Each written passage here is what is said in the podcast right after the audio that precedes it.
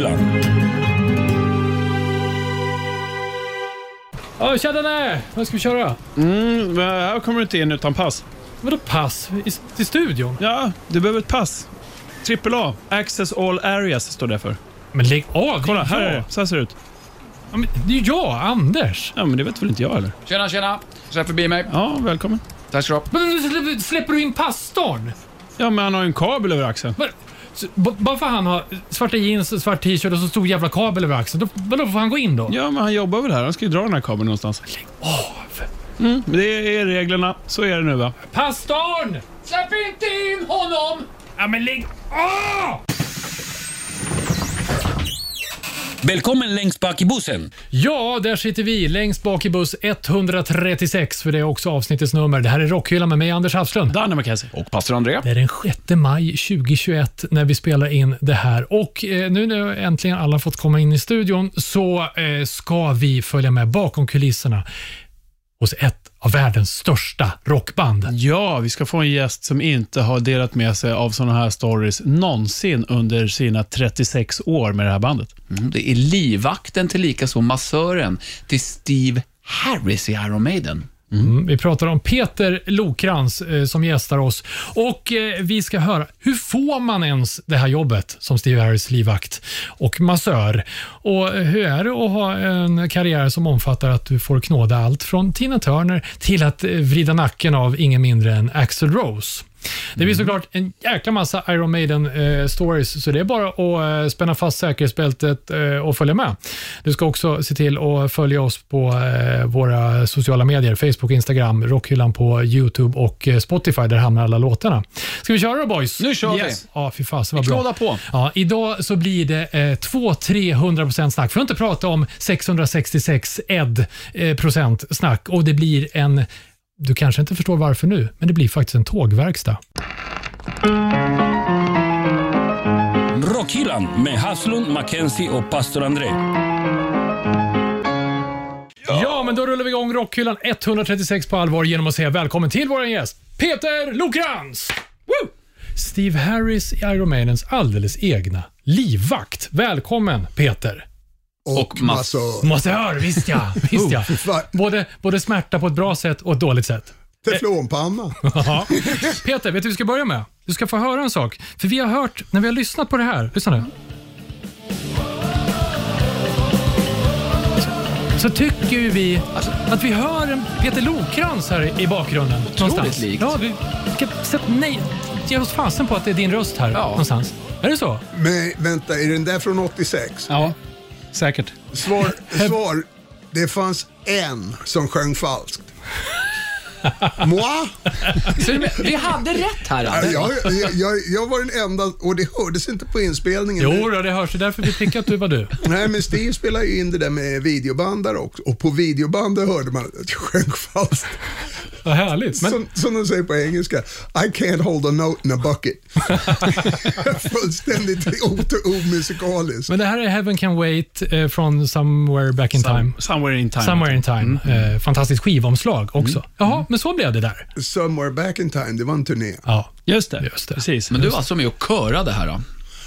Ja, Kom det var till, hela crewet. ja, men kom det till den punkten att de kände att jäklar, Peter han är ju en stjärna. Han ska vara lead singer. Ja, jag fick ju slåss med Bruce. Ja, du fick det. Ja, med han vann. Han vann. Peter, vi ska såklart börja från början. Eh, 36 år tillsammans med Iron Maiden. Och, och så tänker vi så här, vi andra tre här inne, vi missade annonsen både i Gula Tidningen och på Arbetsförmedlingen. Hur fick du jobbet? Var det nu jag skulle vara tyst? Det var nu du inte skulle vara tyst. ja, men hur gick det till? Hur, hur fasen hamnar, hamnar du där? Som massör och, och livvakt till Steve Harris. Ja, det började för det första inte med Steve, det började med Nico. Ja. Och det var oktober 84. Jaha. Innan dess var jag ju dörrvakt och lite såna här saker i Stockholm från 69. Mhm. Så ja, jag är lastgammal. Ja, det är 39 år minst. Ja. ja. Men, men, Men eh, sedan så var, jobbade jag på krogen och träffade Thomas Johansson på, som drev Emma Telstar. Mhm. Och eh, han blev en av mina första patienter när jag var klar massör. Så att det, när det kom något gäng som hade ont i ryggen, då ringde de och frågade om jag kunde jobba. Och de, något gäng som menar att det var något band i stan? Ja. Typ. ja. Mina första security-jobbet, det var ju Stones 82 i, i Göteborg. Och då var det att följa med ru- runt på giggen? Liksom, Ja, det eller var på bara i giggen. Göteborg. Ja, Det var bara lokalt i Göteborg. ja. okej. Tog hand om hotellet och få dem till och från gigget och eh, hålla pressen framförallt borta ifrån våningarna. Mm. Men då hade du din dörrvaktserfarenhet i ryggen då? Liksom. Ja, ja. och gatan och dörrvakten. Ja, Gatan också. Ja. Så med Stones var det ingen massage, utan då var det Jo, bara... det, Bill Graham jobbar jag på. Okej. Deras manager. Ja. Men eh, ingen i bandet. Nej, just det. Okej, så då var det Stones där. Ja, och sen vart det, vad fan blev det? Det var Rod Stewart, Queen, Tina Turner. Jag kommer inte ihåg. Har du knådat dem också? Ja, Tina Turner har jag knådat på Jaha. ett flertal tillfällen. Ja. Det var Och- bra. Ja, ja det, var, det var ju en av de mest fantastiska människorna som någonsin har funnits i musikbranschen. Ja. Fullständigt fantastisk, fantastisk kvinna. Hur var hon när du hade henne som liksom, tre, Patient. Hon, patient? nej, jag kom, det var ju Åke Pettersson på EMI som ringde mig Mhm. och frågade, kan jag komma eh, knåda på fru Turner nere på hotellet? ja. Så jag åkte ner på hotellet dagen efter och där sitter ju Åke och käkar frukost med hennes manager. Så jag går ju fram och kramar på Åke och hälsar på Roger Davis. Trevligt. Så jag, jag, det, det här är han, det är han som ska knåda. Ja, Tina sitter där borta och käkar frukost.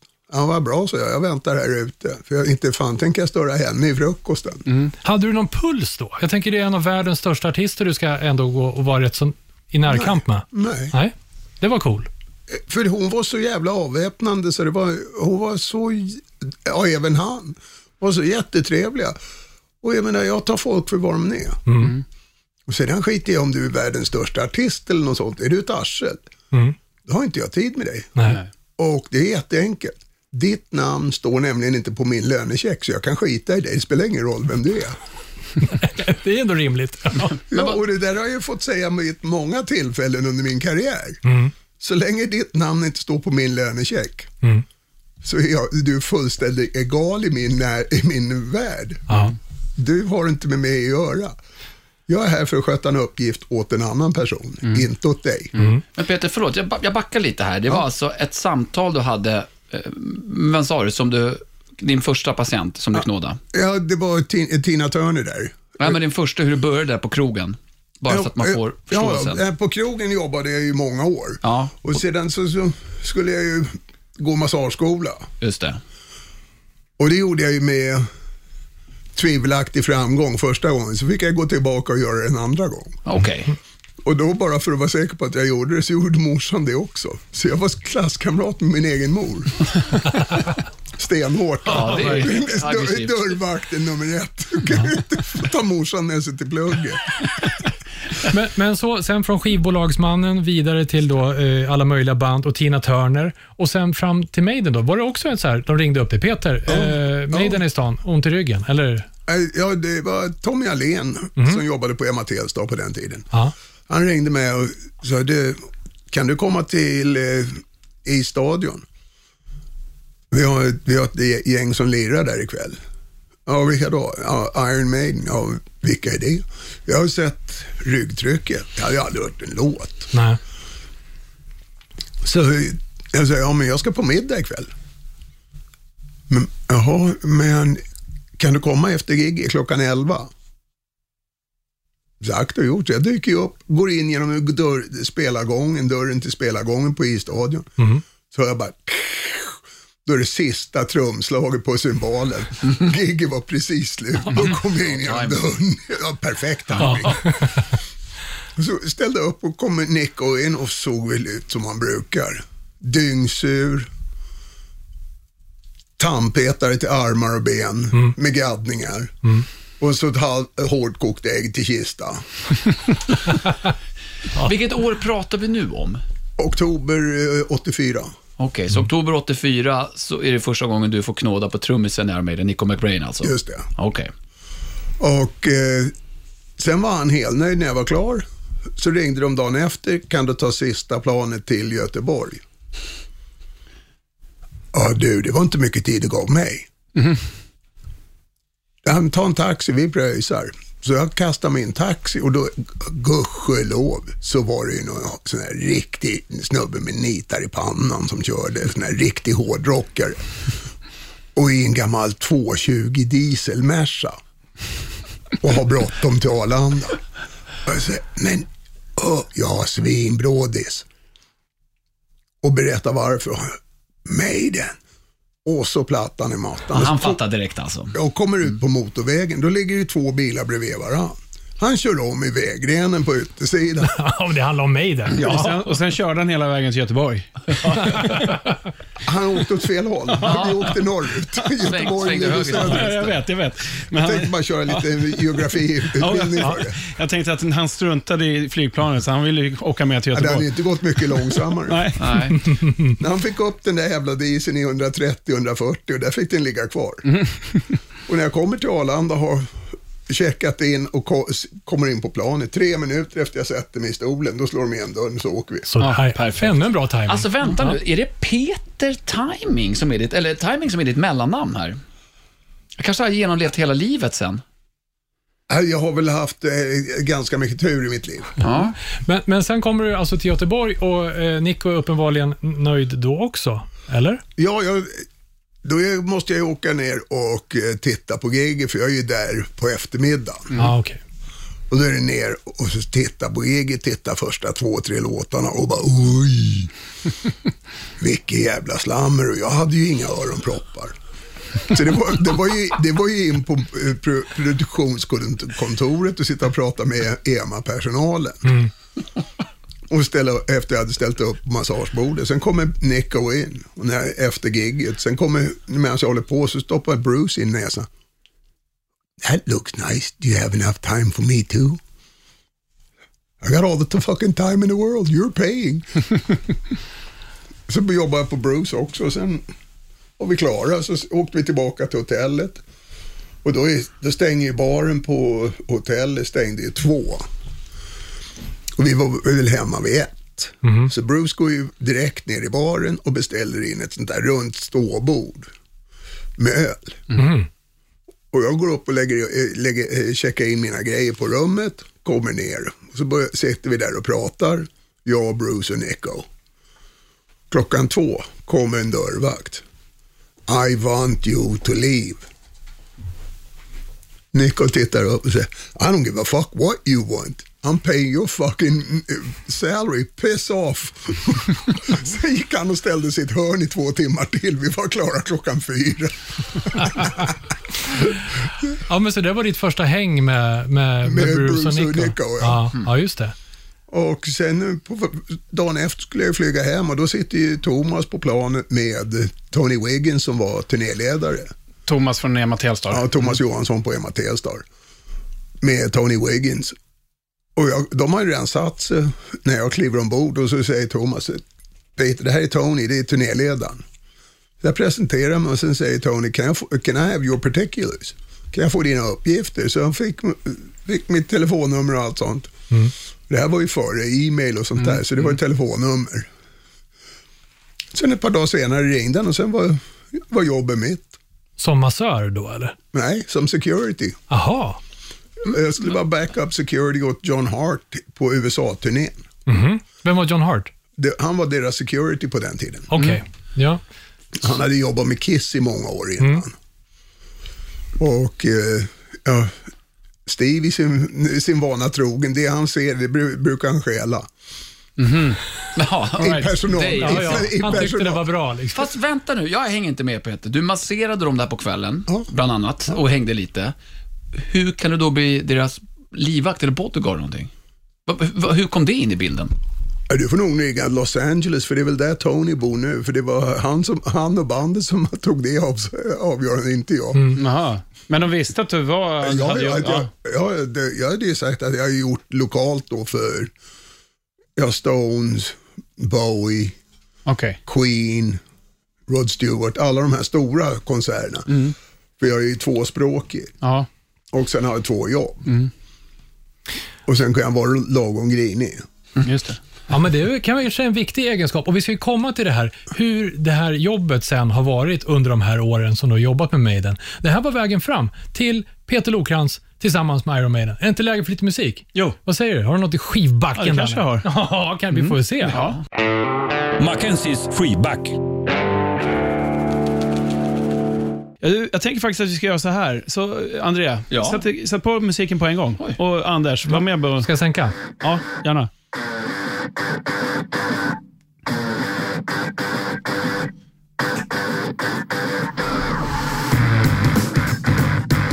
Svängigt katten. Ja, det är svängigt.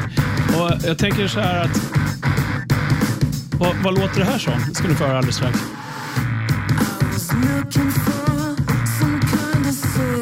Känner du igen den? Jag får lite så Royal Blood-känsla bland annat. Eh, Och uh, Deep Valley. Jaha, ja. Ja. Jag tänker inget större band så här som du tänker låter som. Ja, inte Kiss. Nej? Nej, just det. Det finns ju bara dem. Eh, nej, men det är Ja, ju men- faktiskt Royal Blood det här. Ja, det är det. Ja. Men låten... Höj lite då. Om du tänker på melodier och sådär. Ja, Queens of the Stone Age. Ja, just det. den är, den här, just den här låten är proddad av Josh Homme från Queens of the Stone Age. Guran är ju väldigt... Ja, Så jag tycker hela den här låten skulle kunna vara en Queens of the Stone Age-låt. Mm. Det gör ju ingenting, för jag gillar ju dem. Eh, Men jag gillar Royal Blood också. Så det här är deras senaste alster. De släppte en platta här för inte alls så länge sedan som heter... eh, Vad heter den då? Typhoons, heter den. Ja, precis. Och den här låten heter Boiler Maker och är alltså proddad av Josh Homme. Cool. Eh, jag kollade så här, jag tänkte, du Anders, eller om det var jag som har tipsat om det här tidigare, för länge sedan. Eh, och jag tänkte så här, men det var några år sedan. Men det var när de typ kom och var lite så här hypade. Mm. Ja, Det är 2014. Det är alltså sju år sedan. Rockhyllans första år. ja, det känns som att jag tänkte så här, men det är väl bara några år sedan. Men eh, nej, Det är det ju. Ja, jo, det är det ju, men det går ju så jävla fort. Vilket Alltså. perspektiv, Ja, ja. perspektivet. Bara, eh, Mitt nej. perspektiv var igår. Ja, nej men eh, som sagt, de har släppt en ny platta. Eh, cool duo det här tycker jag. De är ju bara två. Låter som en hel orkester. Det gör de. Har, vet du om Josh har producerat hela skivan? Nej, han låten? har bara proddat den här låten. Ja, okej. Resten av plattan har de proddat själva. Ska vi ta några sekunder till och lyssna bara? Kör. Någon minut in i låten också. Har du scro- scrollat lite? Nej. Nej. Lätt det bara gå. Det här låter ju svinbra. Ja, det, är- det är riktigt bra tycker jag. Det är fint. Ja, kul. Så att eh, Boilermaker med Royal Blood slänger jag in i både YouTube-kanalen och eh, kanske i Spotify-listan också om jag känner för det. Rockhyllan. Det låter som Bob Dylan. Vi rullar vidare Rockhyllan 136 tillsammans med Steve Harris livvakt Peter Lokrans. Så det här är Rockhyllan med mig, Anders Hafslund. Danne McKenzie. Och pastor André. Eh, Peter, i ditt jobb som, som livvakt så undrar vi ju såklart, eh, vad, vad är det för några verktyg man jobbar med? Det finns ju rykten om att man behöver saker som avsågade trumstockar till exempel. Är det någonting som man kan behöva i sitt dagliga Vem värv? har du pratat med? Vad menar du? Vad menar du? är det något man behöver använda som, som livvakt? Nej, oftast inte. Nej. Det, det är huvud. ja. Det är huvud som gör jobbet. ja. Men ändå smög du in ett oftast inte. Vad sa du? Du smög in lite oftast inte behöver man. Ja, men det var väl mest på sådana som inte gjorde som man, sa, som man kände. Men de här trumstockarna, låg det någon sanning i det? Att det kan vara ett redskap man kan ha nytta av? Skoja inte. Nej? Har du en trumstock och bryter av den ska du få se. Nej, du kan berätta. Nej, men det finns alla möjliga eh, tryckpunkter och leder man kan knäcka på med en trumpinne. Ja, just det. Fingrar och såna grejer. Är jättebra. Ja. Brukar det sitta en sån i bakfickan till och med ibland? Ja, jag, hade en, jag hade alltid en med mig förut. Det är bara de sista fem åren eller något sånt som jag inte orkar släpa på den. Var det Nikos trumstockar då du Ja, har ja, ja. utgått ifrån? Ja, jag såg, såg av dem och så, så, för han, så, han har ju sitt namn stämplat i dem. Ja. Så då såg man om som hade namnet kvar. Just det, Ja, man det får stryk av Nico McBrain Ja, det blir som Fantomens ring. Man får Nico McBrain baklänges i pannan då, eller spegelvänt. Nej, det var ju oftast den kortändan som, som, Som åkte användes, in, ja. så ja. åkte in i ett revben eller någonting. Aj. Mm, Okej, men det var ett verktyg. Men, men eh, Absolut. eh, en, en dag, hur, hur ser en arbetsdag ut i, när du är i tjänst? Liksom? Vad, vad, gör, vad, vad börjar vid frukost och slutar efter giget? Hur ser det ut ungefär? Börjar vid frukost. Jag gör det. Ja, det börjar vid Ja, frukost. ja. Och sedan så går man upp och lägger sig igen Mhm. efter frukosten. För frukosten brukar ju vara klar vid tio, halv elva. Mm. Så är man nere vid nio, käkar frukost. Då går man tillbaka upp och lägger sig tills det Steve vill göra någonting. Men är det jobb under frukosten redan också, liksom hålla lite koll på rummet? Så, Nej, eller? nej, nej, nej. Då, då sitter jag och käkar med turnéledarna och, och de andra människorna vi Mm. jobbar med. Och ibland så kommer Nico ner, men de flesta kommer inte ner till frukosten. Nej. Okej. Dave och Nico kan komma ner, men det är inte speciellt ofta. Mm. Eh, Steve kommer aldrig ner till frukost. Han äter inte frukost. Nej. Han har, han, håller, han har ett väldigt strikt regemente. Men har du sagt då att frukost är det viktigaste målet om dagen? Har du varit tydlig med det, Peter? När jag har sagt att mat är det viktigaste målet om dagen. Okej. Och det, Ännu mer korrekt kanske. Men när börjar ditt, dina arbetsuppgifter tillsammans med bandet då? när Steve ska flytta på sig. Mhm. Om han ska spela fotboll, ja då börjar det ju ett par, ett par timmar innan fotbollsmatchen. Ja, för det gör de ju till exempel när de kommer till Stockholm. Eh, Båda, eh, både Danne och pastor André har ju faktiskt fightats på fotbollsplanen Eh, mot Steve framförallt. Det är väl bara han i bandet som spelar va? Nu, numera ja. Mm, Adrian har väl varit med någon gång de sista fem åren, men det är inte, det är inte ofta. Mm. Men vad är det du gör då? Steve ska flytta på sig. Då ska ni ut genom hotellreception till bilen och sånt där. Ja, då, är- då, då går man ju ner och kollar att bilen är på plats. Mm. Då går man till hissen eller så åker jag upp och hämtar honom på rummet. Mm. Hoppar in i bilen och åker. Mm. Tyvärr, busy, adjö. Ja, men det kommer ju massa fans som står och väntar. Jag står ju där utanför och vill ha autograf Mm, då och skriker. och springer fram.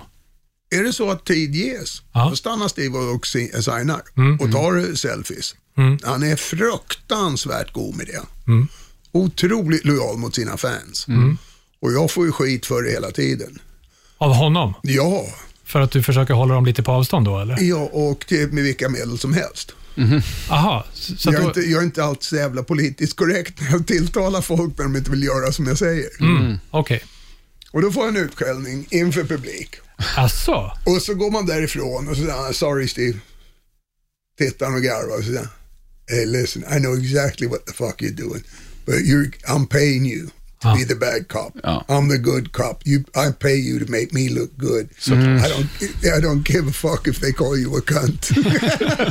Så, så den här utskällningen är inte så allvarlig mot dig nej, nej, nej, det är ju spel för gallerierna. Ja, ja, just det. För han vet ju precis vad jag håller på med och varför. Men vad är det du håller koll på då när det kommer massa fans? Jag menar, det kan ju finnas någon eh, galen panna där som inte bara vill ta en selfie med Steve. Det är Ja. inte jättesvårt när de är på en decimeters avstånd. Men det, när de kommer så gäller det att rada upp dem. Stå inte i klunga. För då springer jag rakt igenom med Steve i ryggen och in med honom i bilen. Ja. Ställ upp er på rad, då går det mycket fortare. Är det du som dikterar då hur fansen ska bete sig? Alltså, rak ledlinje. Ja, ja, Ja. för när de står bara i en hög så säger man, tyvärr det här funkar inte. Det här tar mycket längre tid. Alla får en signatur. Ställ upp er på rad. Du behöver inte slåss för att stå först i kön. spelar ingen roll om du står först eller sist. Du får din bild och du får din pås påskrift. Färdigt, klart. Han går inte förrän han är klar. Jag menar, jag har suttit och, när han har suttit och signat i tre timmar på en sån här Monsters of Rock-kryssning. Då, då var det alltså kö från tolfte våningen ner i bottenvåningen och hela längden på båten. Wow. För Jag kan ju tänka mig att det... Hela båten, hela rockkryssningen stod i princip i kö för att få en bild. Mm. Då, är det lite, då är man kanske lite mos i huvudet, tänker jag. Om du ska hålla koll på och vara Ja, fullständigt har- närvarande hela Ja, tiden. men vi har ju, vi har ju eh, lokala security. Hela båten är ju full med security, för det är kanske 30 band som spelar. Ja, såklart ja. Mm. Och, och de där båtarna, de spelar vi ju inte med Maiden. Det är ju med British Line då, Steves eh, soloprojekt. Just det. Och där är han ju alltid mycket, mycket mer accessible, som de säger. Mm. För han, han har sån koll. Mm. Han går upp på en scen, säg en lokal med 250-300 pers i. Och kliver ut på scen så ser han att det står 17 man och viftar med nävarna i vädret i sten. Yeah! Okej, då har han kollat in de 17. Och sen när han kliver av scenen när giget är klart, då kollar han ut. Fan, det är 98 som står med nävarna i, i luften. Det är 81 nya fans. Jippi, det här var ju skitbra. Underbart. Jaha. Han, han gillar den fighten. Okej. Underbart ju. Han gillar den här fighten att försöka skaffa nya fans Ja. till ett nytt band. Ja, men det måste ju också bli hans drivkraft. Jag tänker så här som Iron Maiden, de, vad har de inte gjort som band? De har gjort det mesta. De, han måste hitta sina, liksom, sin, sitt sätt att, att få nya kickar. Nej, det är inte bara det, men med Maiden så är han ju fruktansvärt avskärmad från omvärlden. För, I och med att vi har eget plan så kommer vi när vi kommer. Det står bilar och väntar och oftast på startbanan om man inte kommer internationellt. Då kanske man måste gå igenom någon eh, terminal. Ja. Men då är det en VIP-terminal och sen så kör de upp bilarna så är det bara att mata in dem i bilarna och åka därifrån. Men det är ju många band som känner att eh, de längtar till att få stå på en mindre scen. Och därför när de skapar då ett, ett, min, alltså ett nytt band som är inte alls kända överhuvudtaget, så får de ju göra det där igen. Alltså som Och, att, men det är också för att det är en helt annan musikstil också. British Lion är ju mera, jag vad ska jag säga, Genesis-influerat och så. Men Peter, vi ska ju tillbaka. Du har, om vi tar arbetsdagen egentligen, är, eh, på väg till bilen då, om du ska iväg till fotboll eller sådär. Och så har du hanterat fansen där och varit bad cop. Eh, och sen åker ni iväg eh, och så några aktiviteter under dagen. Men sen då när ni ska iväg på gigget, på, på den delen av arbetsdagen, vad, vad, hur funkar det då? Det funkar i princip samma. Mm. Honom från hotellrummet, in i bilen och iväg till gigget. Och vid konserterna så är det ju hermetiskt tillslutet. Så vi kör ju in genom grindarna, kör fram till eh, backstageområdet, eh, omklädningsrummen. Skyfflar in dem i omklädningsrummet och i eh, hospitality room, då, i deras lilla lounge. Och där får de hänga så mycket de vill och sen får jag, får jag börja jobba för då, det är då jag knådar på Steve. Aha. Alltid inför spelningen? Ja, alltid. Och det kan vara allt ifrån en och en halv till tre timmar.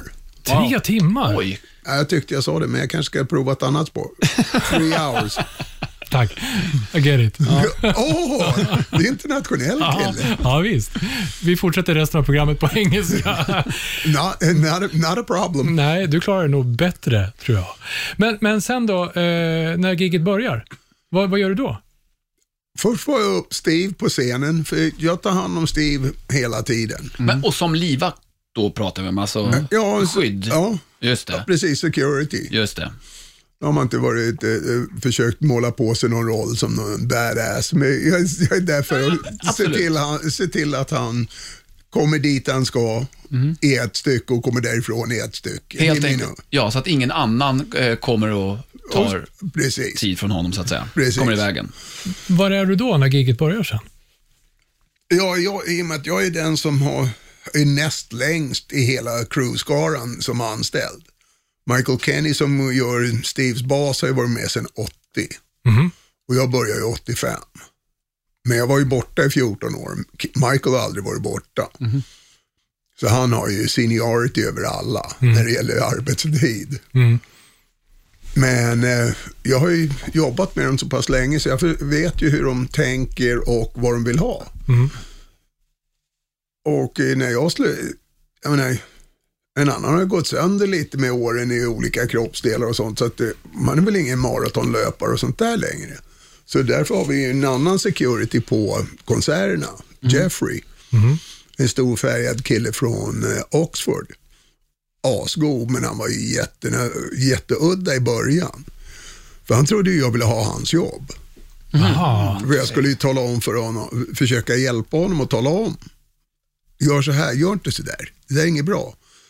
Det kanske funkar med ett punkband, men det här är inget punkband och de här gubbarna är fruktansvärt måna om sina fans. Ja, är det Allihopa. hur man bemöter... mm, Ja, och, och se till att fansen inte gör illa sig. Det är ett av de största jobben man har.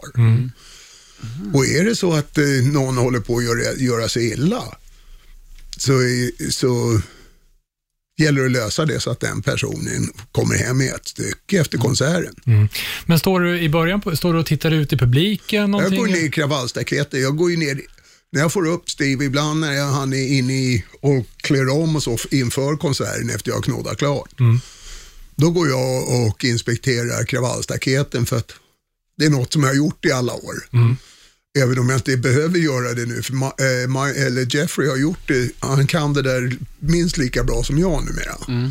Men i början så var det, väl, var det väl några små hiccups och man hittade lite bultar som saknades och sånt, där. Så, men eh, numera, jag behöver inte göra sånt, det är bara gammal vana att jag gör det. Men kollar du in publiken, folket runt omkring? Jo, liksom? men det är när, det är när gigget börjar. Jaha, vad är det då då? Då går jag ner i kravallen igen. Aha. Och så står jag där, för jag vill, jag vill ju så att säga se hur lokalbefolkningen jobbar. Lokala securityn. Så att det inte är en massa Maiden-fans som ska stå och kolla på gigget och sen håller ungarna på och röjer bakom ryggen på dem. De ser ju inte det för de tittar åt fel håll. För när du står där nere i kravallen, det som står närmast kravallstaketet, det är inte där dina problem ligger. Dina problem ligger ett och två, eller två och tre rader in. För det är de som inte får luft. Och det är de som svimmar många gånger. Och du märker inte för att de står ju upp fortfarande, de kan inte falla, falla Ja, upp. För de är ihopträngda, så, så står det någon och hänger med pallen. Det är klart att uh, petar lite på huvudet och så tittar de upp. och, Nej, det, det är okej. Eller så händer ingenting. Ja, just det. Och då får man ju ropa på lokalbefolkningen. Ö, kom hit, det är dags för dig att göra ditt jobb. Ja, just det. Lokal securityn. Ja, ja, just det. Precis, så, för de ser ju många gånger inte det. Nej, just det. Så det är inte i första hand trubbelmakare du letar Nej. efter där då, utan det är mer... Det, det är ju båda det. För ibland ser man ju någon som har gett sig fan på att de ska längst fram. Och det är ju med armbågar och allting. Japp. Och då får man säga nej. Ja, jag förstår. Och är- så, och så fortsätter de. Då säger man åt publiken framför, flytta på er. Just det. Så kommer han hela vägen fram. Så pekar man på gubbarna bakom. Ni tre, hjälp till. Och du vet, de är jättesura på den här killen som har trängt sig fram ändå. Så de Ta tag och tar ska tag och, och hystar över honom. Så får han gå ut och gå och ställa sig längst bak igen. Men generellt sett, är Maiden-fans aggressiva eller stökiga på något sätt? inte, inte aggressiva, inte alls. Nej. Inte alls. Men de är fruktansvärt hänförda. Ja. Och jävligt, eh, vad ska jag säga, de trycker på hårt. Det är, väl- vi har I publikhavet pratar Ja, om. mot kravallstaketet. Vi har väl bland de största trycken du kan få mot eh, kravallstaketet. Vad ro... För nu ska jag gå tillbaka här, Peter. Ja, vill du göra det så. Möjligtvis att vi har träffats en gång tidigare. Mm, om det var 98 eller 99 när Maiden spelade på Stockholms stadion. Det var det inte. Nej, då... För jag jobbade inte mellan eh, Ah. eh, 89 och 03. Så sa du ja. Men Det är 14 år jag var borta. för det är exakt det här du beskriver. Slayer var, jag vet det låter konstigt, förband. Det har de varit hur många gånger som På helst. Stockholms stadion. Ja, på Stockholms stadion. De är väl kända som ett förband generellt, pastor Andreas? Då är jag i alla fall, jag var längst fram och kollade på Slayer. Det är mina husgudar. Och eh, trycket var massivt. Jag var en grabb vid den här tiden, så liksom, jag hade inte mycket att sätta emot. Vad är det nu då? Ja, en äldre grabb.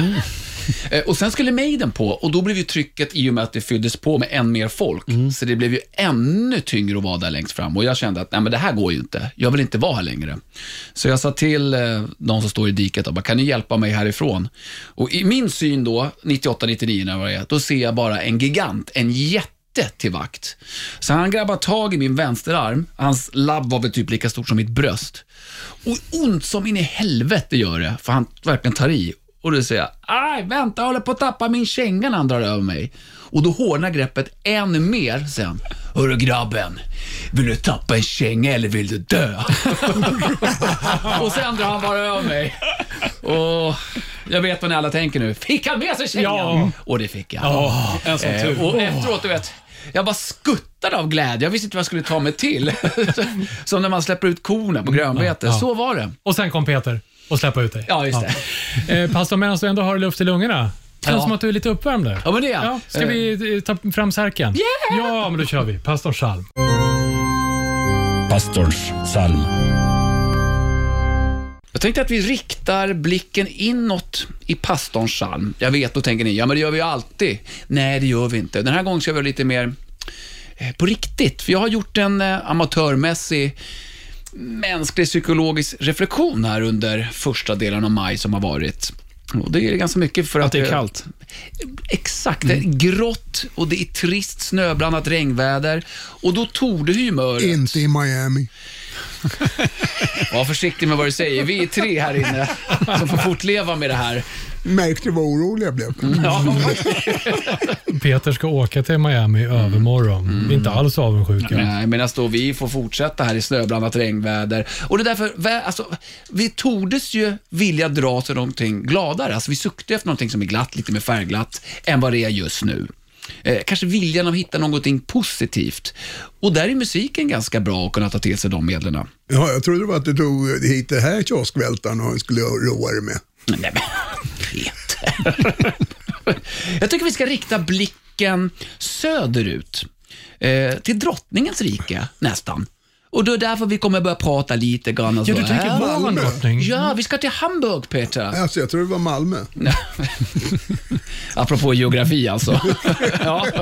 Men där i mitten av det glada 80-talet skapades bandet Halloween.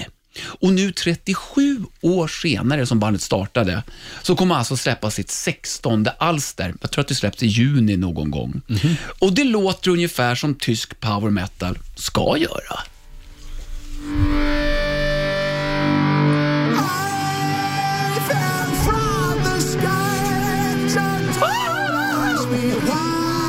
är det som sjunger nu för tiden? And the Derris. Sedan typ 25 år. Ja, nu för tiden. Ja, det är rimligt, Anne. Precis.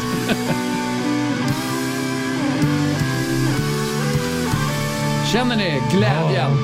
Jag tycker det känns roligt att lyssna på faktiskt. Synd bara att det är ett långt tråkigt intro. Ja, du får skålla. Aldrig.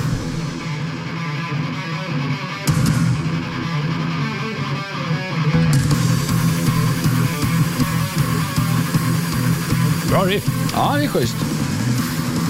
Det är svårt att sätta en, eh, ett år på det här när man lyssnar. Ja, det skulle lika väl kunna vara en bra produktion 80-talet. Ja. Nej, det var rösten jag ville ha.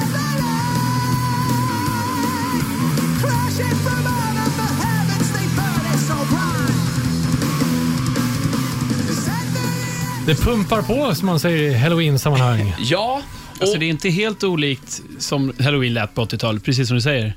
Alltså Mikael Kiske. nej, verkligen inte. Fast det finns lite Bruce Dickinson i, i hans röst också. Ja, vad kul att du sa det, för jag tänkte just Det, till och med det. jag som är tondöv hörde det. Ja, men vad kul. Det är ju ungefär samma era som de startade, ungefär i alla fall. Ja. Så att det kanske ligger någonting i det, ungefär. Åt, åtta år skillnad. Ungefär. Nyss var ju 25 år ingenting. Så då är jag åtta år, ungefär. Det var ju första all plattan som kom 84 tror jag med Halloween, men de start, eller ja, grundlades väl tidigare än så. Och då är det så här, må hända att 80-talets pastellfärger behövs i detta askgrå eh, majväder. Men det är här min lilla reflektion kommer in. För Passon Salm har ju inte Halloweens nya singel eh, uppe på ytan, utan när ett allmänt nedstämt väder råder, då tar jag med och lyssnar på raka motsatsen till check och glad power metal, oavsett vilket årtionde det är släppt. Jag önskar istället luta min axel mot melankoli. Och därför ska ni få ett exempel som kommer ifrån Arvika. Arbo, Arvingarna trodde jag du skulle säga.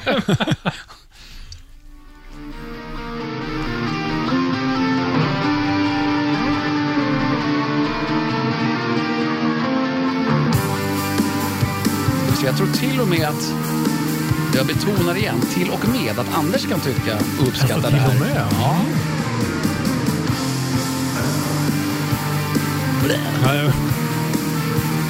Det här är inte nutid. Är det Nej. Berätta, pastorn. Ska bara få lite sång här. Ja, det verkar lysa med sin frånvaro. Ja, men man måste vagga sig in i melankolin innan man tar till rösten. Jag tycker att det är väldigt fint. Ja, sopranen är för jävla bra. Det här är inte din typ av musik, har jag Peter. Det är Tribulation och det är nytt. Det var nytt, ja. det är Sproilandsnytt till och med, Ja, från i år. Um, Hour of the Wolf heter det här spåret. Och Det är väldigt melankoliskt och eh, alltså nedstämt, fast ändå jag kan nästan finna en värme i det här. Eh, Och jag tror väldigt mycket, jag har tänkt mycket på att när vädret är som allra tyngst eller tråkigast, då borde väl power metal vara det ultimata Ja, att lyssna absolut. på. Man får upp eh, humöret. Ja. Nej, det är tvärtom. I alla fall för mig. Jag blir fan förbannad när jag lyssnar på power metal när det är sånt här väder. Då kan jag ge mig in i det här, Mm. lite mer melankoliskt och känna bara, åh vad skönt. Typ att man blickar inåt istället för att tjohoa utåt. Ja. Det lät inte alls som Arvingarna. Nej.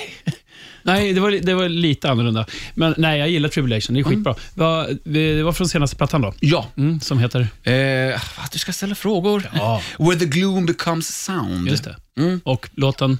Eh, in the hour, nej, hour of the wolf. Just det. Det var den Ja. vi precis hörde. Precis. Ja, grym. Det är skitbra. Jag gillar det. Ja, eh, så att Lägger du upp båda? jag kommer lägga upp båda. Jaha. Både Halloweens nya. Men den hatar du ju just nu. Nej, ja just nu hatar jag den, men det är en bra låt. Men vilken ordning ska man ta det i? Först Halloween, sen Tribulation? Nej, det beror på vilket Tvärtom. väder det är. Ah. Ja, det, Okej. det, det får Så om dagsformen det är fint väder, då lyssnar du på Halloween. Ja, Ja, jag lär mig aldrig det där. Och fint väder är ju grått egentligen. Ja, så ja, att det, är, okej. ja, det är lite snurrigt här. Men det ligger uppe Anders, både på Spotify och Det var YouTube-kanalen. ju det bästa du har gjort. Rockhyllan med Haslund, Mackenzie och pastor André. Rockhyllan 136. Vi är bakom kulisserna hos världens största rockband, Iron Maiden, tillsammans med Steve Harris eh, livvakt Peter Lokrans. Peter, du ska få en liknelse eh, som du kan få tycka är konstig om du vill. Om man säger att i, oli- i olika jobb eh, så har man ett på och ett avläge. Om vi går till djurens värld så kan man ibland träffa på en, eh, en kille eller tjej som går och eh, har en ledarhund och så står det på ledarhunden så här, snälla klappa inte mig, jag jobbar. Och sen när de tar av sig det här, då är de ganska snälla och trevliga och man kan gosa och klappas lite grann. Lite grann som vi gör nu. Vi har det ganska trevligt här inne. Jag Men, klarar inte, du tycker det. det, känns ju, det här känns ju nästan som tredje graden. men nästa gång vi träffar dig när du eh, jobbar och är med Steve Harris, då kommer vi springa fram alla tre och ge er en kram båda två. Tror vi. Tror vi. Vad händer? Hur går det? det går nog jättedåligt. Gör det? Ja. ja. Finns, när, när jag åker hemifrån, när jag ska ut och börja jobba. Ja. Jag, åker, jag går ut genom dörren Mm. Och sen är jag skitsur i ett halvår. Så du har lite det här, klappa inte mig, jag jobbar. Klappa mig och det gör ont. Ja, ja. Men hur fan, är inte det svårt? Nej, Nej. det är asenkelt. Men dina polare liksom träffar dig ute, Mm. så bara, Tjena. ja, okej. Hej. Men de får i alla fall ett tjena. Eller så nickar jag bara. Mm, okej. Men för Steves väl och ve, det är, mi- det är det jag är där för. Mm. Och det är han som betalar mig min lön och betalar för min tid. Mm. Alla andra gör det sig icke besvär. För det är ingen av dem som bidrar till min ekonomi och till min välfärd. Jag menar, Steve är otroligt omtänksam. Han ser ju på mig när jag börjar krokna, för man börjar bli gammal. Ibland blir man lite trött och hänger, det ser han direkt. Vi stannar och käkar. Mhm. Mm. Eller nej, jag, går upp och, jag måste gå upp på rummet och eh, hålla på med datorn. Mm. Går han upp på rummet och så kan jag gå in på mitt rum. Men har det blivit fel, höll jag på säga, någon gång? När det har blivit så att du har träffat på folk som du i vanliga fall skulle ha en annan relation med när du är på jobb? Att det liksom blir... Ja, det, det, det finns ju en del som har varit, som har varit jättetrevliga, artiga och kul så här. Så man, de, har, de har ju en skara fans, bandet, som följer efter dem. Och eh, vi har ju en väldigt trofast skara här i Sverige framför allt. En väldigt trofast skara. Och det, det har de ju lite över hela världen, men det är väldigt få som kan mäta sig med de svenska fansen. Ja, det, det är helt osannolikt vad vissa av dem gör. Och eh, då får man, blir man ju så att säga inbjuden in i en liten annorlunda folla. Och de som eh, har följt efter band du vet, i 20-30 år och sånt och går på varenda konsert, åker runt halva jordklot. Många av dem kan hamna på gästlistan. Och då slipper de i alla fall köpa biljetter till gigget. Och sen har de ju sina, sitt nätverk med polare runt om i världen. Så att de får ju bo hemma hos folk och sånt så att de inte behöver bo på hotell hela tiden. Det är mycket sånt som gör att de har råd. Men sen är det ju då, kan det vara någon lök som får för sig att jättetjena, jättehej och så händer någonting så jag måste vända på mig och ta hand om något annat. Direkt så är de framme och Steve så fort jag vänder ryggen på mig. Och det är så här, kom här, ajabaja. Men framme på vilket sätt då? Bara Ja, att hänga med honom? Ja, eller? börja hänga och ska ha, bi- ha bilder och börja en konversation medan han står och pratar med någon annan. Okej. Och ska ta, börja ta monopol på hans tid. Och jag menar, jag är ju där för att se till att han får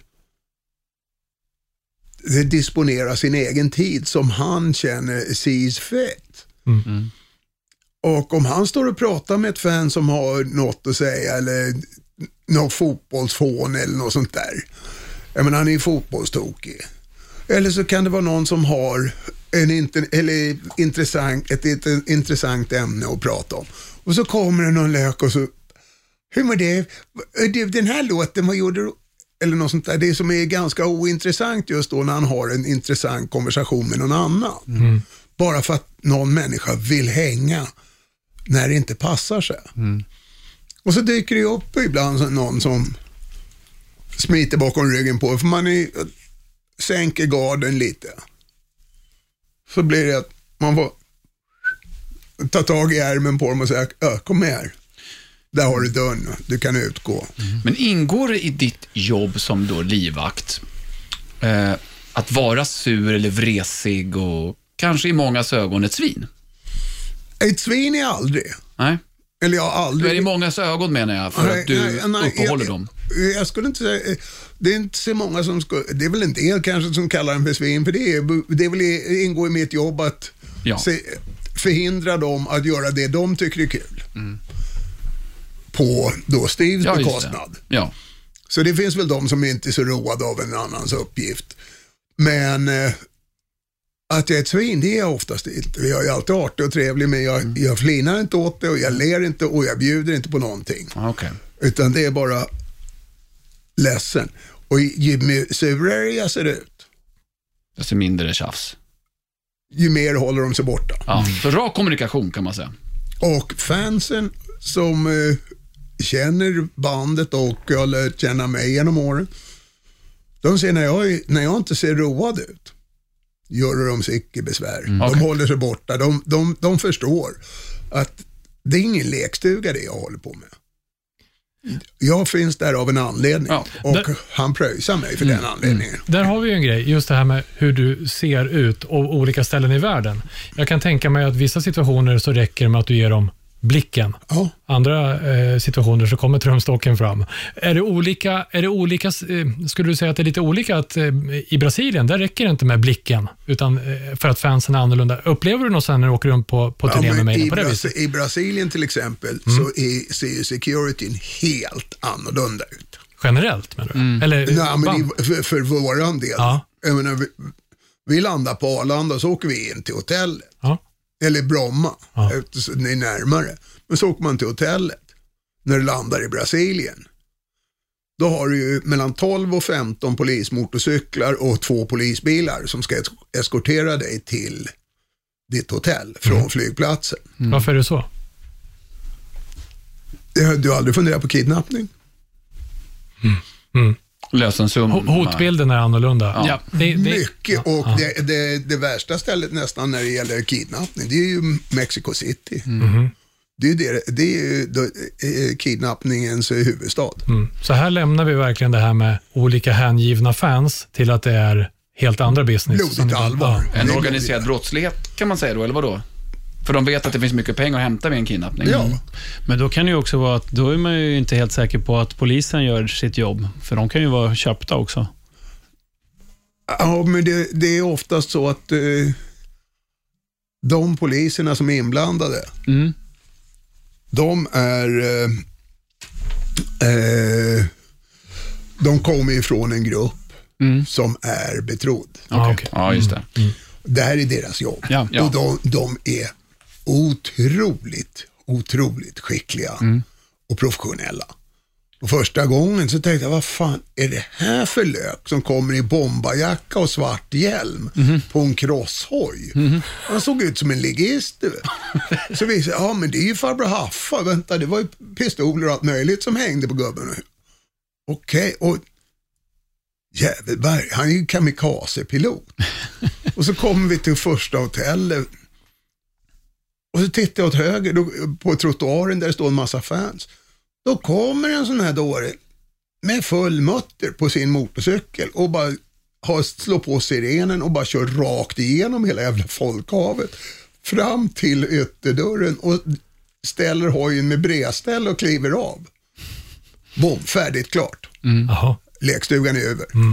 Men nu beskriver ju du eh, alltså en brottslighet, om vi bara tittar på fansen, olika länders fanskaror, hur man beter sig. Kan man se någon skillnad där? Svar ja. Mhm. Och på vilket sätt i så fall? Ju längre söderut du kommer, ju mer, vad ska vi säga, emotionella blir de. Ja, okej. De blir mer och mer hetsiga ju längre söderut du kommer. Jag menar Sydamerika, det är en helt annan planet. Och därav att vi har mycket mera security. Det är inte att fansen vill göra illa bandet, det är det att fansen vill fram till bandet till vilket pris som helst, bara få ta i dem eller Ja, någonting. Och de tänker inte på konsekvenserna, för när de får tag och den här personen är på väg åt andra hållet och de får tag som får tag i ett ben till exempel när bandet står på scen och de har kommit över kravallen, de hoppar upp och får tag i ett ben samtidigt som musikern vänder på sig. En rörelse och, där, ja. och, och så helt plötsligt, pang, så smäller knät och så blir det aldrig bra igen. Nej. Har det hänt? Ja. Ja, ja. Och det är... För folk eh, har- får alltså men för livet. Men det är mer sånt då, eh, mer hetlevrat, så kan man säga, än jämförelsevis Sverige, där vi kanske är då lite mer, inte vet jag, timid och försiktiga, eller? Absolut. Och jag menar Tyskland, jättebra. Kommer du ner i Grekland, ner i södra Italien och sånt där, de är, det är en helt annan, whole different kettle of fish. Det är en helt annan engagemang. De är otroligt emotionella där nere. Har du några eh, bra exempel på någon incident som har hänt på det här viset? Ja, Argentina, där, där körde de ju så här. Vi fick ju säga till efter första vändan, kommer in, ska bandet börja lira. Kommer upp en gympadoja på scen. Mm. Och sen kommer nästa och så kommer nästa. Då står ungarna och kastar gympadojor. Då har de kommit in med ett par gympadojor knutna i, i, runt halsen, hängande över halsen. Och de står bara och slänger på bandet. För att... För att securityn släppte in dem med dem. Jaha. Och det, Såklart. Så hade jag haft med mig en död häst så hade jag slängt upp den också. Ja, hade de orkat så hade de gjort det. En, det, det finns vare sig rim Ja. eller reson till, till uppförandet. Nej. De stod och kastade gympadojor, nästa gång vi kom dit så, ö, innan ni öppnar grindarna, Inga skaffa soptunnor och alla som kommer in med en gympadoja över axeln i soporna. Inte en gymnastiksko i publiken. kostar ju pengar det där. Jag det tänker tusen. Ja, men, Alltså, har du någonsin kollat på hur de luktar och hur de ser ut när de kommer upp på scen? Det inte, de har inte gått och köpt dem idag. De har gjort några mil och de Ja, har, okej. några, har några liter fotsvett. Alltså, det känns ju inte som en hyllning till bandet att kasta upp skor. Tom Jones får trosor, fair. Men Iron Maiden, gympaskor, det är inte samma budskap. Nej, och sen är det ju eh, stå, är det vissa som, ett tag där så hade de för sig att de skulle stå och spotta. Jaha. På bandet? Ja, Jaha. de stod och försökte loska på bandet. Av vilken anledning vet jag inte. Nej, det är men jättekonstigt. sedan så var det, ju, var det ju någon i bandet som sa, den där securityn som klippte den där snubben där nere. Det var en security som hade klappat till en unge. En rejäl dagsedel. Och så, ja, men han spottar ju karln rakt i ansiktet. Åh fan, okej då var det klart. Ja, ja. För det är den värsta formen av kommunikation, det är just att spotta på en människa. Verkligen. Och det, hade, det, det bara haglade spott. Vad fan? Va, av vilken, vad märkligt. så konstigt. Fråga mig om jag vet det. Ser jag ut som en människa som skulle uppföra mig på det viset? Nej, men en människa som vet. Du besitter ju sådan visdom. Då har jag lyckats lura dig också. All right. Men har du någon gång under alla dina år känt en viss form av rädsla eller obehag av något slag? Ja, det är klart att ibland känns det ju obehagligt, men det, då får, det är då man måste börja tänka. Du får ju aldrig låta det där obehaget ta överhanden.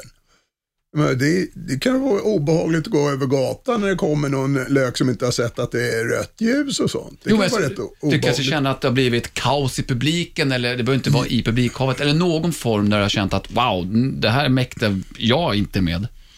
Nej, men det, det, det, har man, eh, man har inte tid att tänka så. Ah, Okej. Man, det, det tänket finns inte där och då.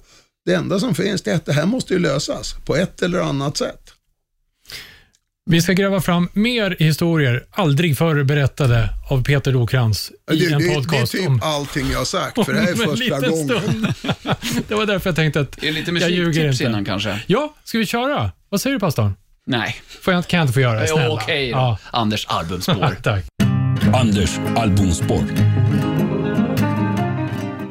Hörrni, eh, vi har ju pratat lite grann om hur många år som är l- många år. Men om jag säger 100 år, känns det som att vi åtminstone är överens om att det är ganska lång tid? Ganska. Ja, Peter, du är också med på det? Nu är du oförskämd din jävel. Du är så långt bort från mig så jag vågar. eh, vi ska eh, till 1928 ungefär någonstans, när den här eh, låten först eh, spelades in. Det är en blues-tolva i Kan vi inte gå tillbaka till 1912? Då hade vi ju OS i Stockholm. Ja, det kan vi göra också. Var du med då? Oj, du Skojar inte? sitter jag, farligt jag, nära jag Danne. klådade på löparna. Men 28 alltså? Ja, det här är alltså en blues-tolva med eh, över 100 år gamla rötter. Lite beror på hur man ser det, men vi bestämmer att det är ungefär 100 år. Eh, det är en favoritsångare inblandad. Åtminstone för ett par av oss tycker att han är bra. Eh, tillsammans med ett band som vi tillsammans har sett, eller vi har stridit om. Vi har gjort det. Jag kommer till det på slutet. Eh, eh, den här favoritsångaren i fråga, han har gjort sin take på den här eh, gamla texten i alla fall, som till en början, först eller kanske näst först, spelades in av en Bo Carter 1928. Mhm. Som förutom den här eh, stora hitten som den ändå blev, eh, känd för låtar som Let me roll your lemon, Banana in your fruit basket, eh, Pin in your cushion eller Your biscuits are big enough for me. Eller jag får inte glömma Please warm my wiener. Mycket mat handlar det om. Ja. Eh, Dirty Blues. Eh, han gjorde den här låten som låter så här Det där 1928. lät, det där lät mest som omskrivningar utan dålig mat.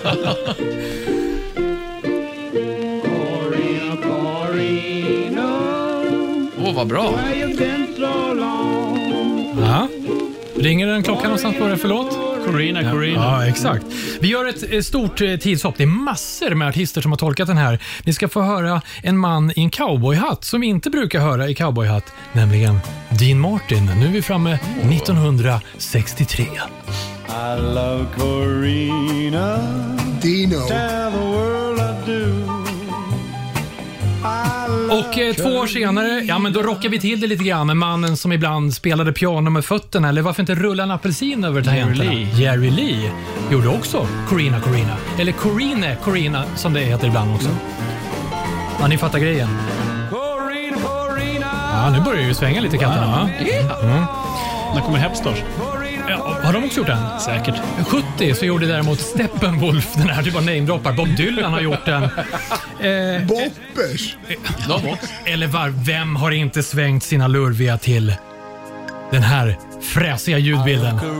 Oh yeah! Oh, nu får man lite utslag på tänderna känner jag. Hårig tunga och Nu börjar det svänga. Black. Jack. Nu är vi framme vid 1990. Då tänker ni, hur fasen ska det här kunna bli ett bra Anders albumspår? Jo, men vi tar faktiskt vägen genom en legend som vi hade på besök i Rockhyllan, i Rockhyllan 47. Vi pratar om Jerka. legenden Jerry Williams som gjorde den så här. Nu börjar det bli riktigt snyggt.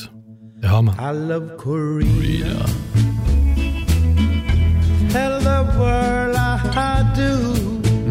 2011 gjorde den. Drog ner tempot lite. Lite grann. Men inte stämningen. Nej, verkligen nej, nej, inte. Du kan, jag kan säga att du kommer hamna på min frus topplista. Hon älskade, hon älskade Jerka. Ja, Han är ju vi med. Ja. Vi hade en grym kväll med honom när vi snackade motorer och rock'n'roll. Eh, men nu då? Nu var eh, Det rock... var väl Suzuki han åkte. Ja, sucka. Och han, sen hade han en busa också nu på slutet, en Hayabusa. Eh, för övrigt, Suzuki. Men, eh, men ändå, eh, vi var ju på gig eh, 2018, kommer du ihåg Danne? När säkert. pastorn inte kommer ihåg förbandet. Ja, just det. Ja, Picture Books. Kommer fortfarande inte ihåg giget. Ändå fast vi, plå, vi har bildbevis, vi plåtade oss med grabbarna. Ja. Ja. Det var en härlig kväll, det var det. var en härlig kväll. Men du kommer fortfarande inte ihåg dem. I alla fall så har Neil Fallon spelat in Corina Corina med Picture Books. Och då låter det så här, anno 2021.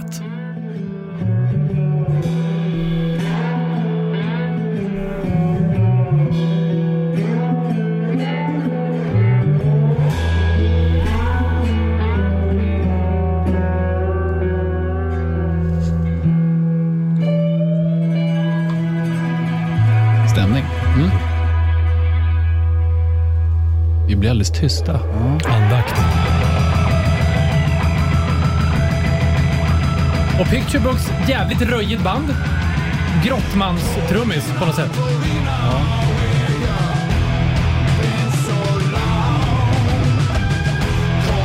Ah, cool. Mycket cool låt. Man hör ju verkligen eh, att det är Neil Fallon. Han har en väldigt karaktäristisk röst, Ja. tycker jag. Och det, det är lite kul, för Picture Books var ju förband till eh, Clutch, som Neil Fallon då sjunger i, till eh, vardags. Mycket cool låt, tänker jag lägga upp på... Uh, Överallt. Ja. ja, ni vet var den ligger. Vil, vänta, vilken lägger du upp? Jag lägger upp... Eh, Alla 15. Nej, jag lägger inte upp alla 15. Ah, Jag okej. lägger upp eh, eh, Corina Corina med The Picture Books Ja. featuring Neil Fallon på Spotify och eh, YouTube. Tack. Snyggt. Rockhyllan. Ja, det här är eh, Rockhyllan 136 med mig, Anders Hafslund, Danny McKenzie. Och pastor André. och våran gäst. Peter Lokrans. Ja, Det var grymt att få hänga med eh, verkligen bakom det vi brukar få se och höra med, med Iron Maiden och, och din väg eh, dit. Men vi har ju en grej, vi, må, vi har inte snackat alls om Bruce Dick- Dickinson. Eh, och när man säger Bruce så tänker väl väldigt många flygplan. För han är ju ändå kapten och kuskar runt med er eh, över hela världen i Ed Force. Och jag, jag är glad att kalla honom för kapten. Många säger pilot. Och det är Ja. han förbi. Aj, aj, aj. Han, han är Ja. kapten. Han, han började som pilot och tyckte det var skittråkigt att sitta i högersätet. Ja. För då sitter gubben i vänstersätet och talar om för honom vad han ska göra. Och det gillar inte han. Ja, just det. Han, han gillar att ha, ha ratten. Så att, eh, det tog inte lång tid innan han var kapten. Då fick han vänsterstolen och då får de andra jobba. Just det. Se där. Men han gillar inte bara flyg va? När det gäller... Nej, tåg. Han är galen i tåg. Ja. Och eh, han åker med förkärlek tåg. Jaha. Överallt. Men hur är det med säkerheten då? Att bli igenkänd bland folk? Alltså jag tänker lite skillnad i eget flygplan Han är, så, han är som en kameleont. Han, och han går in och sätter sig någonstans. Och nu börjar håret bli lite längre igen. Det var ju rätt kort där ett tag. Ja. När han jobbade som pilot. Kapten. Pilotkapten. Ja. Jo, men när han flög i ett eh, kommersiella flygplan. Då, då måste det ju se ut på lite städade. Just det. Det spelar ingen roll om du sjunger i ett rockband. Du jo- jobbar för ett flygbolag. Ja. Då måste du se, klä på dig rollen för folk på planen måste ju känna sig safea med den som är med chauffören. Men inte tåg till gig och så eller? Jo då, Jaha. det också. Och det som kommer till ytan mest då, det är lite lattjo men också väldigt tragiskt. Jag lite nöjd att jag inte behövde vara där just då. Det var ju Monsters of Rock då 88. Då var det ju Maiden, Kiss, David Lee Roth, Megadeth, eh, Gun, Needles and Noses som vi döpte dem till, Guns N' Roses. och eh, Smart. så var det Samson tror jag, Okej. som var bilden det året. Och Steve- Bruce gamla band. Samson. Ja, Ja. De, de var vänner i alla år, Steve och eh, eh, vad är det, Doug Samson. ja, just det. Men eh, då, kom, då ska ju Bruce komma till Donington med reguljärtåget med alla fansen ombord. Och det var ju, det var ju rekordåret. Det året tror jag vi var 107 000 betalande på Donington Wow. och 7 000 på gästlistan. Kontoret satt i två månader två tjejer på kontoret heltid i två månader för att göra gästlistan. Men då kom ju Bruce med tåget. Då hade han ju dragit upp håret i, under en baseballmässa. Så han suttit och läst en bok hela vägen. Vadå, bland Ingen- fans och allting Ja, alltså? inte en människa såg honom. Han satt bara och läste och sket i omvärlden. Och de, de tänkte inte, en liten snubbe som läser en bok och inte tittar sig om. För han, han är så pass strukturerad, när han börjar läsa något, då, då är det bara det som gäller. Och om man tittar runt, då det, finns det ju chans att de känner igen honom. När han bara sitter och plöjer sin bok, det var inte en kotte som såg honom förrän han klev av tåget i Donington. Och jag står utanför och väntar och då, är- då är det ju fler än ett fan som känner igen mig. Ah. Ja, ja, så Och då inser de också. Och jag är lite större än vad, äh, längre än vad Bruce är, det är nästan alla. Men han hoppar högt. Ja, Skoja inte. Nej, det gör jag inte. Och han går fort. okej. Ja. Så, när han går så får du jogga. okej. Aha. så på tågstationen där, då ser, känner fansen igen dig. En butter-Peter. Och så skyfflar in Steve, eller vad säger Bruce i en bil Ja. och kör tillbaka till Donington. Och kommer tillbaka. Och då till Donington. Och det var väl en av de tråkigaste, eh, vad ska jag säga, ankomsterna jag har gjort till, ett till en konsert. Vad då? För då har tre personer dött Nej. i, i publiken. Ah, okej. Avtryck. Ö, Under Guns N' Roses. Mhm. För det, det har ju regnat och som vanligt på Donington i tre dagar. Så det är ett gyttjebad. Och så har de ju kört såna här jävla slam dancing. Mhm. Kört sina moshpits långt bak i publiken. Och eh, då har de ju trillat omkull där i gyttjan. Så Och inte kommit upp. och de syns ju inte för de är, det, det kan ju lika gärna vara en so, det. sovsäck eller någonting som är täckt med lera. Så de har ju bara sprungit fram och tillbaka och morsat varandra med tre man som ligger där och blir ihjälstampade. Au. En dog på plats och två på sjukan. Okej, så en otroligt nedstämd Ja, det var, Eh, och det var, det, inkörning där. ja, och det var, så det var ju två, en rolig och en tragisk händelse på samma gång. Och det är väl det tråkigaste. Men oss det blev gig i alla fall. Oh ja, oh ja. Du, kunde inte, du kunde inte avsluta ett Nej. gig med 114 Nej. personer. Nej, Det hade ju 114 kunnat sluta 000. ännu mer illa, ja. Ja, Ja. Exakt. för de har ju partat hela helgen Ja, och är lagom trötta och har bara väntat på det här ja. med mig. så det hade skapats kaos, mayhem. Ja, det hade ju blivit upplopp.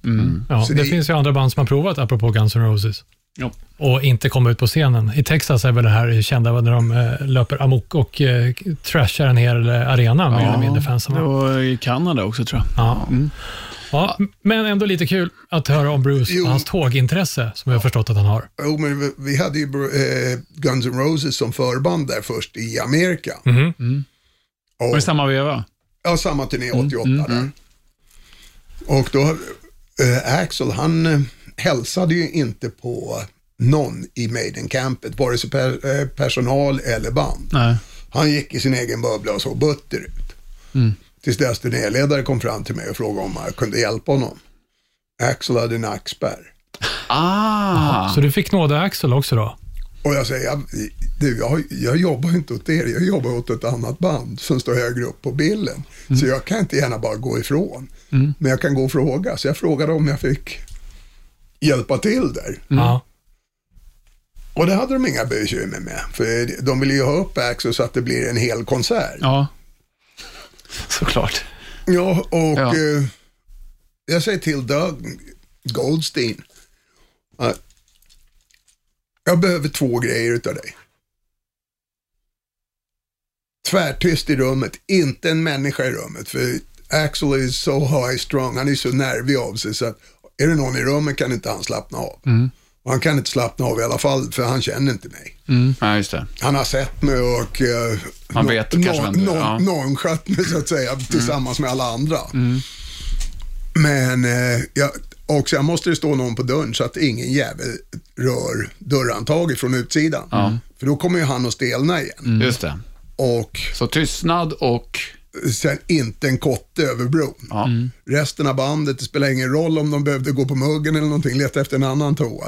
Det här rummet var hermetiskt tillslutet. Och jag knådade på Axel. Och han hade jätteont i nacken och sen skulle jag då knäcka nacken. Och jag säger, "Aj, slappna av, slappna av. Och så tryckte jag till och det var ett knak. Doug Ghosting stod vid dörren på andra sidan rummet och det var ett stort rum. Och han vart vit i ansiktet.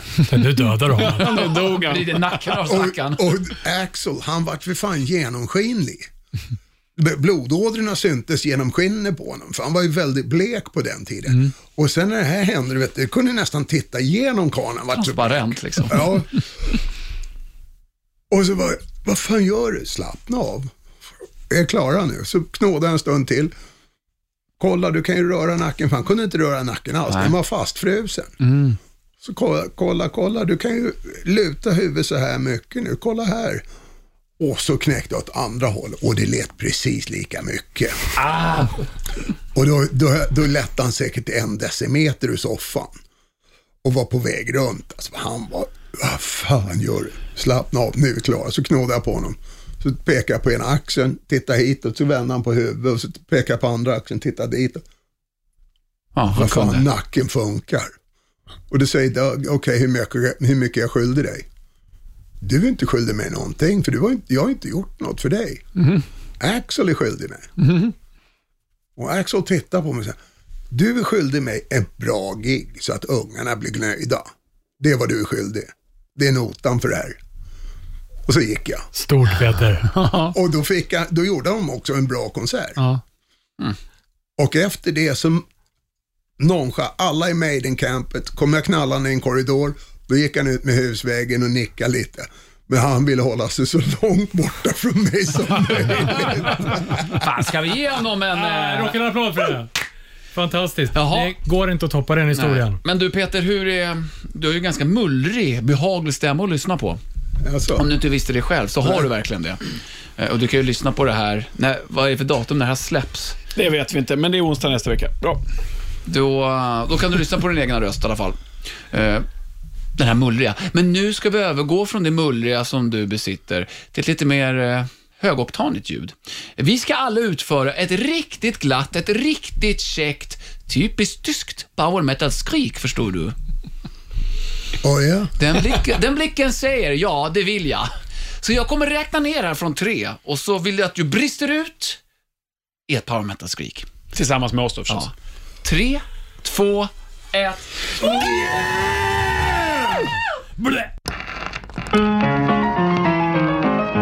Rockhyllan med Haslund, Mackenzie och pastor André.